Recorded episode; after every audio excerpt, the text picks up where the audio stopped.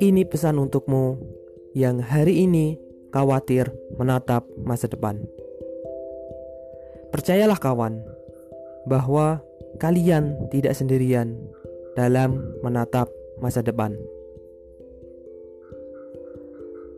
Jikalau hari ini kita terlalu khawatir, kita terlalu gusar dalam menghadapi masa depan, yang ada ialah kita akan membuang energi dan membuang waktu untuk hal-hal yang tidak seharusnya.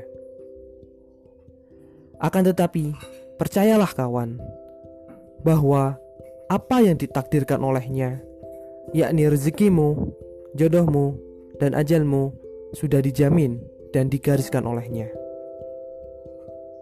Tugas kita ialah berusaha semaksimal mungkin melangitkan doa kita dan bertawakal hanya kepadanya.